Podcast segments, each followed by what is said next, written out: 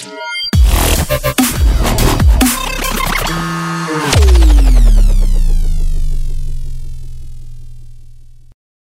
semuanya, selamat datang di podcast Himpunan Mahasiswa Biologi episode 6.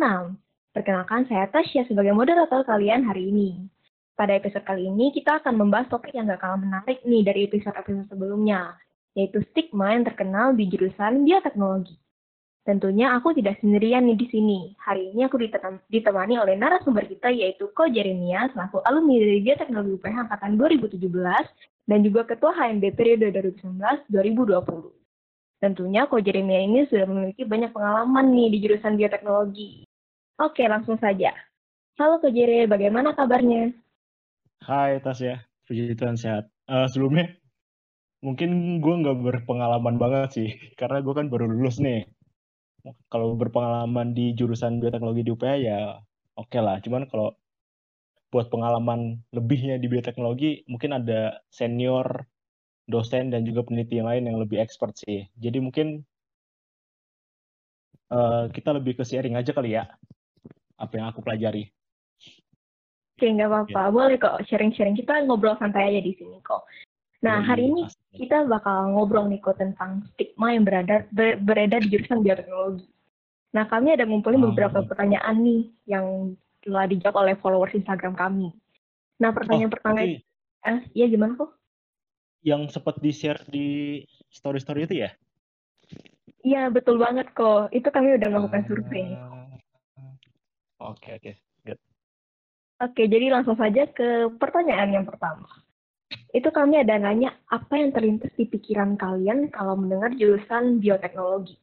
Nah, jawabannya ini juga bermacam-macam nih kok. Ada yang bilang banyak praktikumnya, bakteri, laboratorium, okay. um, mirip ahli gizi tuh, rekayasa genetika, jurusan yang keren banget karena menggunakan biologi untuk teknologi. Tapi ada juga nih kok yang jawabannya tuh random banget nih. Seperti jurusan okay. yang bisa memasang chip pada otak manusia. Bahkan membuat nyata biologis. Waduh nih kok. Nah sebenarnya jurusan bioteknologi itu apa okay. sih kok? Okay. Nah, itu adalah salah satu pertanyaan yang sama yang pernah gue lontarkan ke diri gue sendiri ketika gue pengen masuk ke bioteknologi bioteknologi itu apaan lagi? Biologi saat SMA aja tuh basicnya kayak kurang banget. Ini lagi bioteknologi. Gitu. Nah, sebelumnya itu semua di bioteknologi semua hal memungkinkan gitu loh. Uh, tadi ada yang bilang uh, senjata biologis. Hmm, bisa, bisa masuk juga ke bioteknologi gitu. Lalu sebenarnya apa sih benar bioteknologi itu? Bioteknologi itu kayak suatu studi yang memanfaatkan makhluk hidup untuk menghasilkan suatu produk ataupun jasa gitu, sehingga dapat bermanfaat atau berdampak positif untuk masyarakat sekitar, untuk kita semua.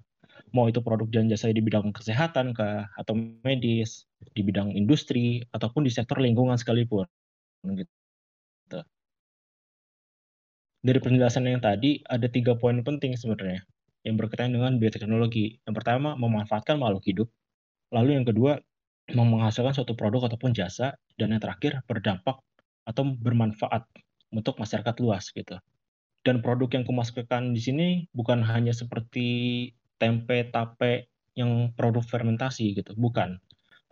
Tetapi jurnal ataupun paper ilmiah yang udah dipublikasikan juga salah satu produk menurutku. Karena mereka bermanfaat untuk kita semua mahasiswa dan juga saintis lainnya dan juga buat masyarakat gitu sih. Nah, tadi juga tadi aku sempat dengar banyak banget praktikum ya. Uh, betul sih. Jadi hampir keseharian kita hampir keseharian kita habis di laboratorium. Sehari nggak ke laboratorium tuh kayak gatel aja tangan. Kayak belum nyentuh mikropipet tuh kayak ada yang kurang. Pengen ngerjain proyek gitu loh.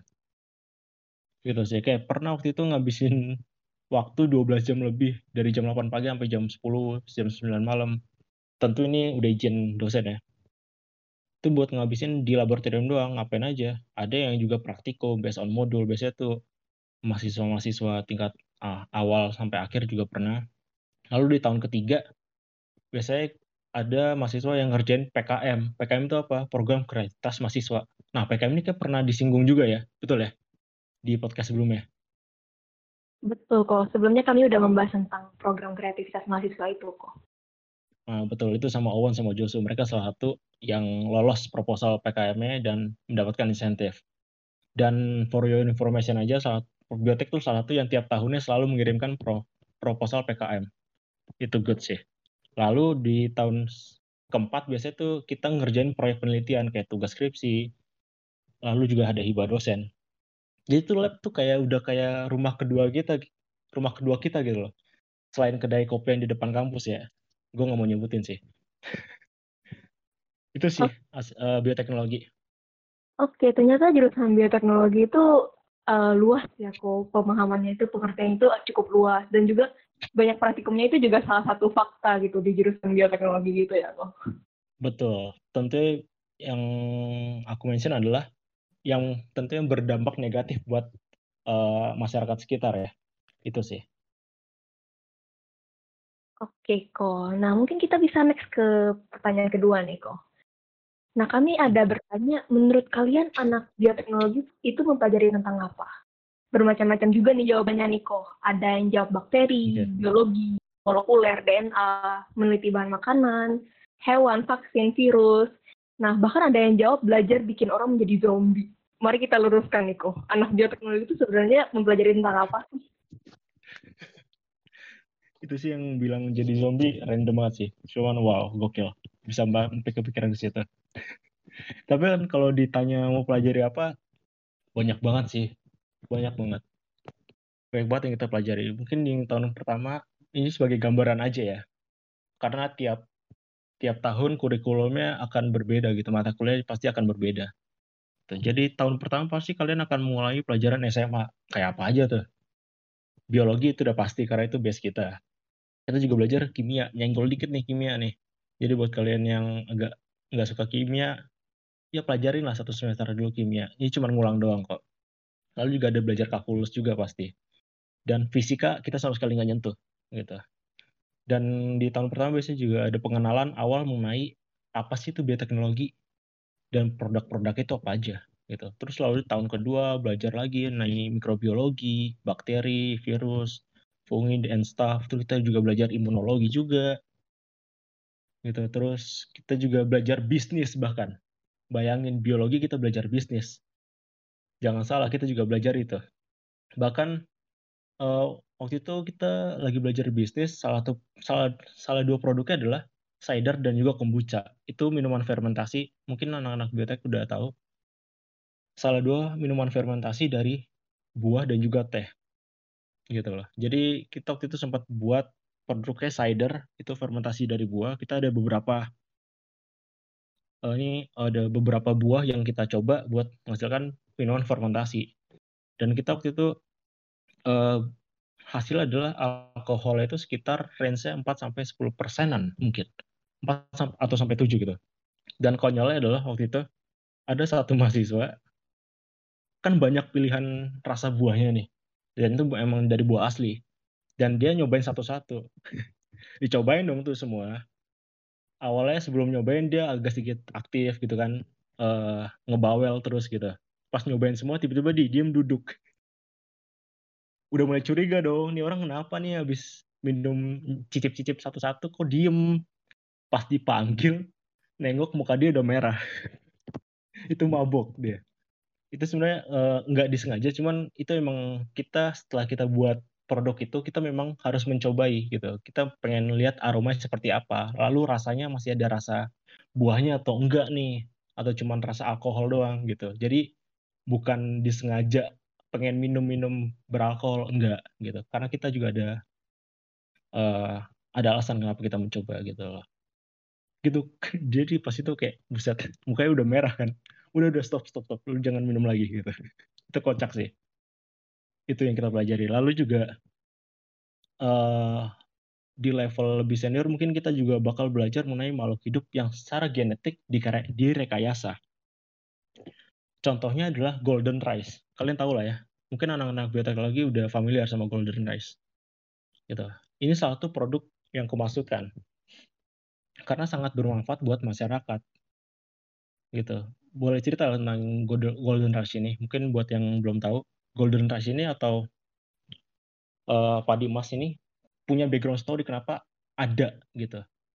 Jadi itu berawal dari permasalahan yang ada di dunia, yakni malnutrisi, terutama di beberapa negara berkembang gitu. Dampak dari malnutrisi, itu apa? Salah satunya adalah defisiensi vitamin A gitu. Nah, berangkat dari permasalahan tersebut, kita biotechnologist itu ngasih solusi nih dengan produk rekayasa genetika golden rice ini gitu loh. Bedanya apa dengan padi yang lainnya? Yang paling mencolok adalah golden rice ini tuh memiliki kandungan beta karoten yang tinggi banget. Nah, di tubuh kita kan beta karoten itu kan uh, akan diubah jadi vitamin A yang jelas manfaatnya dong buat menjaga kesehatan mata, terus juga uh, menjaga kesehatan kulit, terus juga beta karoten ini juga yang aku baca juga dia membantu mencegah bronkitis dan juga sesak napas gitu dan masih banyak lagi. Gitu. Jadi banyak banget yang kita pelajari. Lalu juga aku juga tadi apa yang sebut uh, eh, DNA juga ya. Nah uh, yang paling relate adalah forensik kasus forensik kita. Ini berhubungan dengan mata kuliah biologi molekuler kita juga belajar forensik. Bahkan di bioteknologi itu selalu ada acara yang nama CSI ya. Tapi bukan crime scene investigation. Kita sempat di apa ya diplesetkan jadi critical thinking investigation.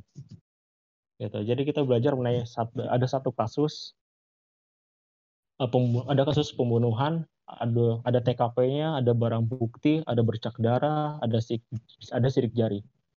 Nah lalu kita kita belajar tuh cara pengambilan uh, uh, sampel DNA itu seperti apa begitu. Lalu di runningnya menggunakan instrumen apa gitu. Lalu bagaimana cara menganalisisnya seperti itu. Itu itu kita mempelajari juga. Seru banget kan? Itu sih Wah, seru banget ya kok jurusan bioteknologi. Aku juga inget tuh kok yang Koko cerita tentang minuman fermentasi tadi. Itu aku juga sempat ngelakuin tuh kok dulu. Nah, juga kan? Iya. Nah, itu. Sebenarnya bioteknologi itu juga banyak banget ya kok yang dipelajari nggak cuma terbatas sama DNA aja, nggak cuma terbatas sama fermentasi aja, tapi kita juga belajar tentang medis nih kok kesehatan, imunologi itu contohnya kok. Nah betul banget di medis itu kita juga belajar banyak, apalagi di situasi pandemi saat ini gitu loh. Pasti kita akan mempelajari uh, virus virus salah satunya adalah SARS-CoV-2 ini.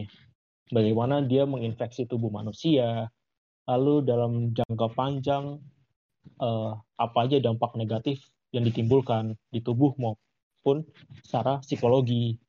Kita juga akan kita mempelajari itu gitu loh. Sangat-sangat relate dengan kehidupan kita.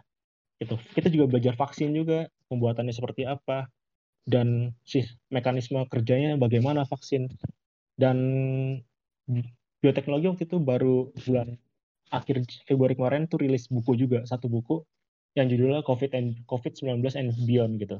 Itu semua dituntas habis mengenai COVID ini, SARS-CoV-2.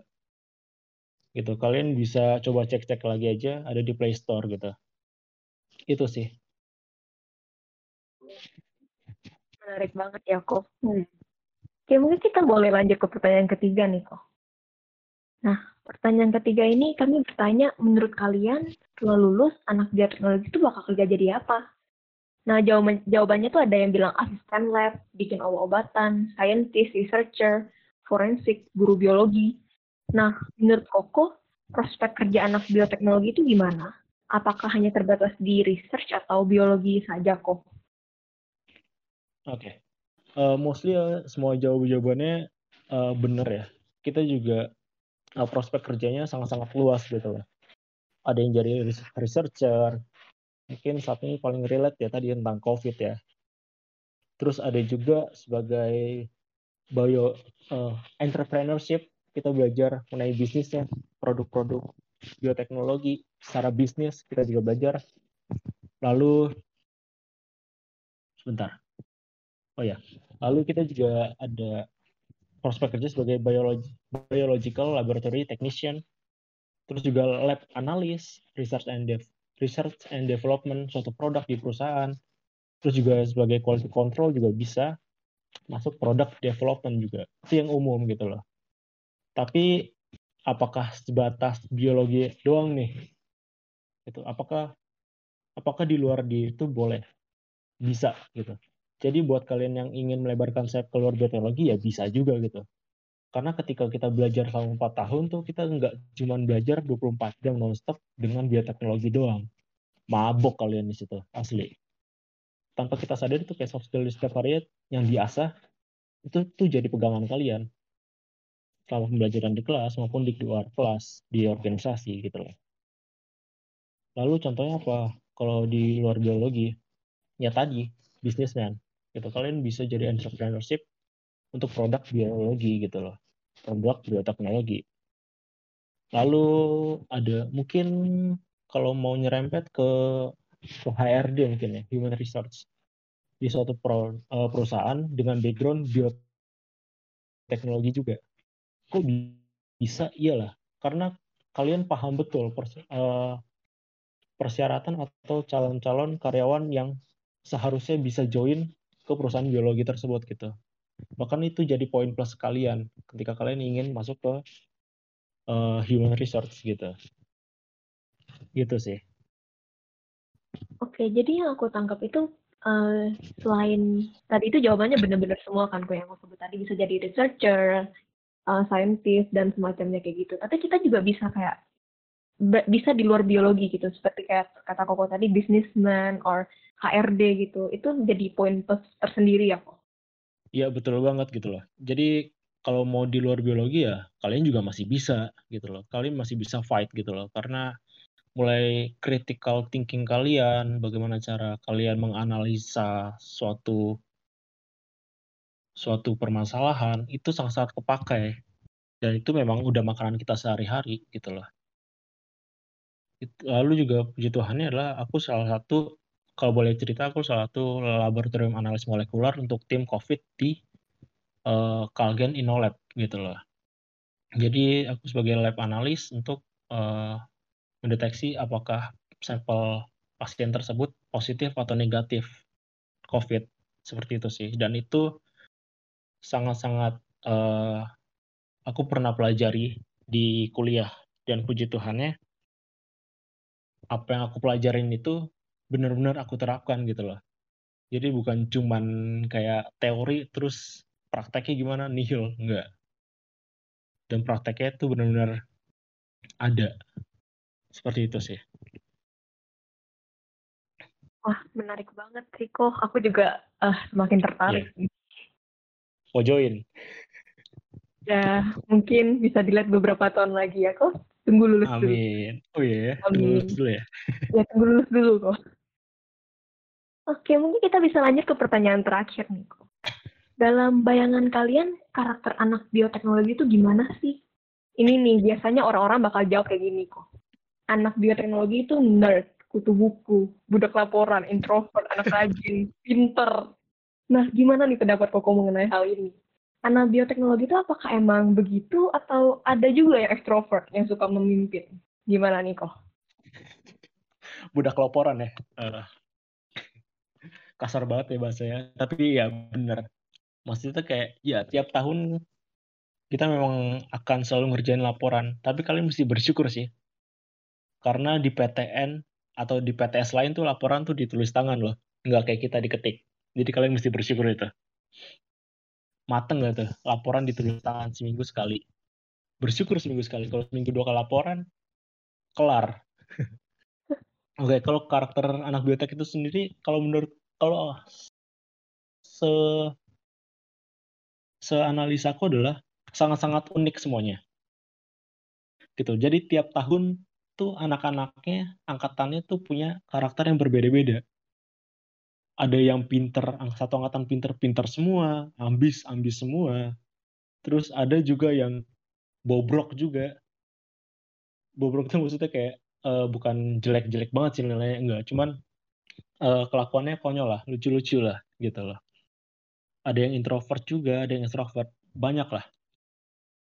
Cuman nerd, uh, kalau yang nerd sampai yang kayak kayak di film-film gitu, kayak film-film anime, uh, kartun yang kayak kacamata, dia bopong buku tumpuk-tumpuk.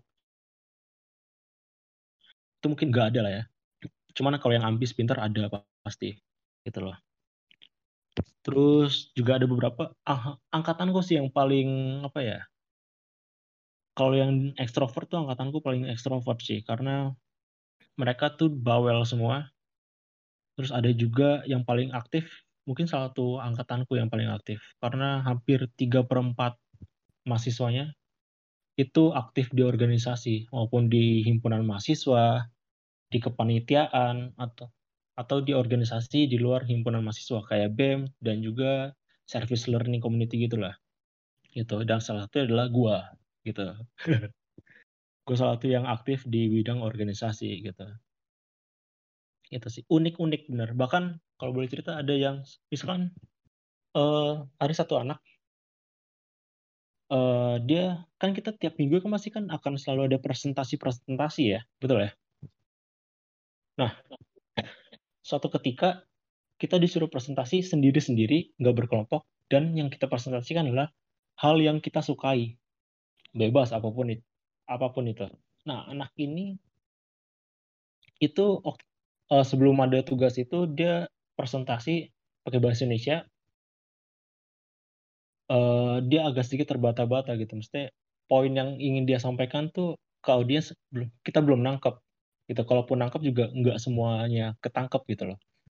Dan ketika dia mempresentasikan di sendiri dan menggunakan bahasa Inggris itu sangat-sangat bikin kami semua kayak, "Wow, gila."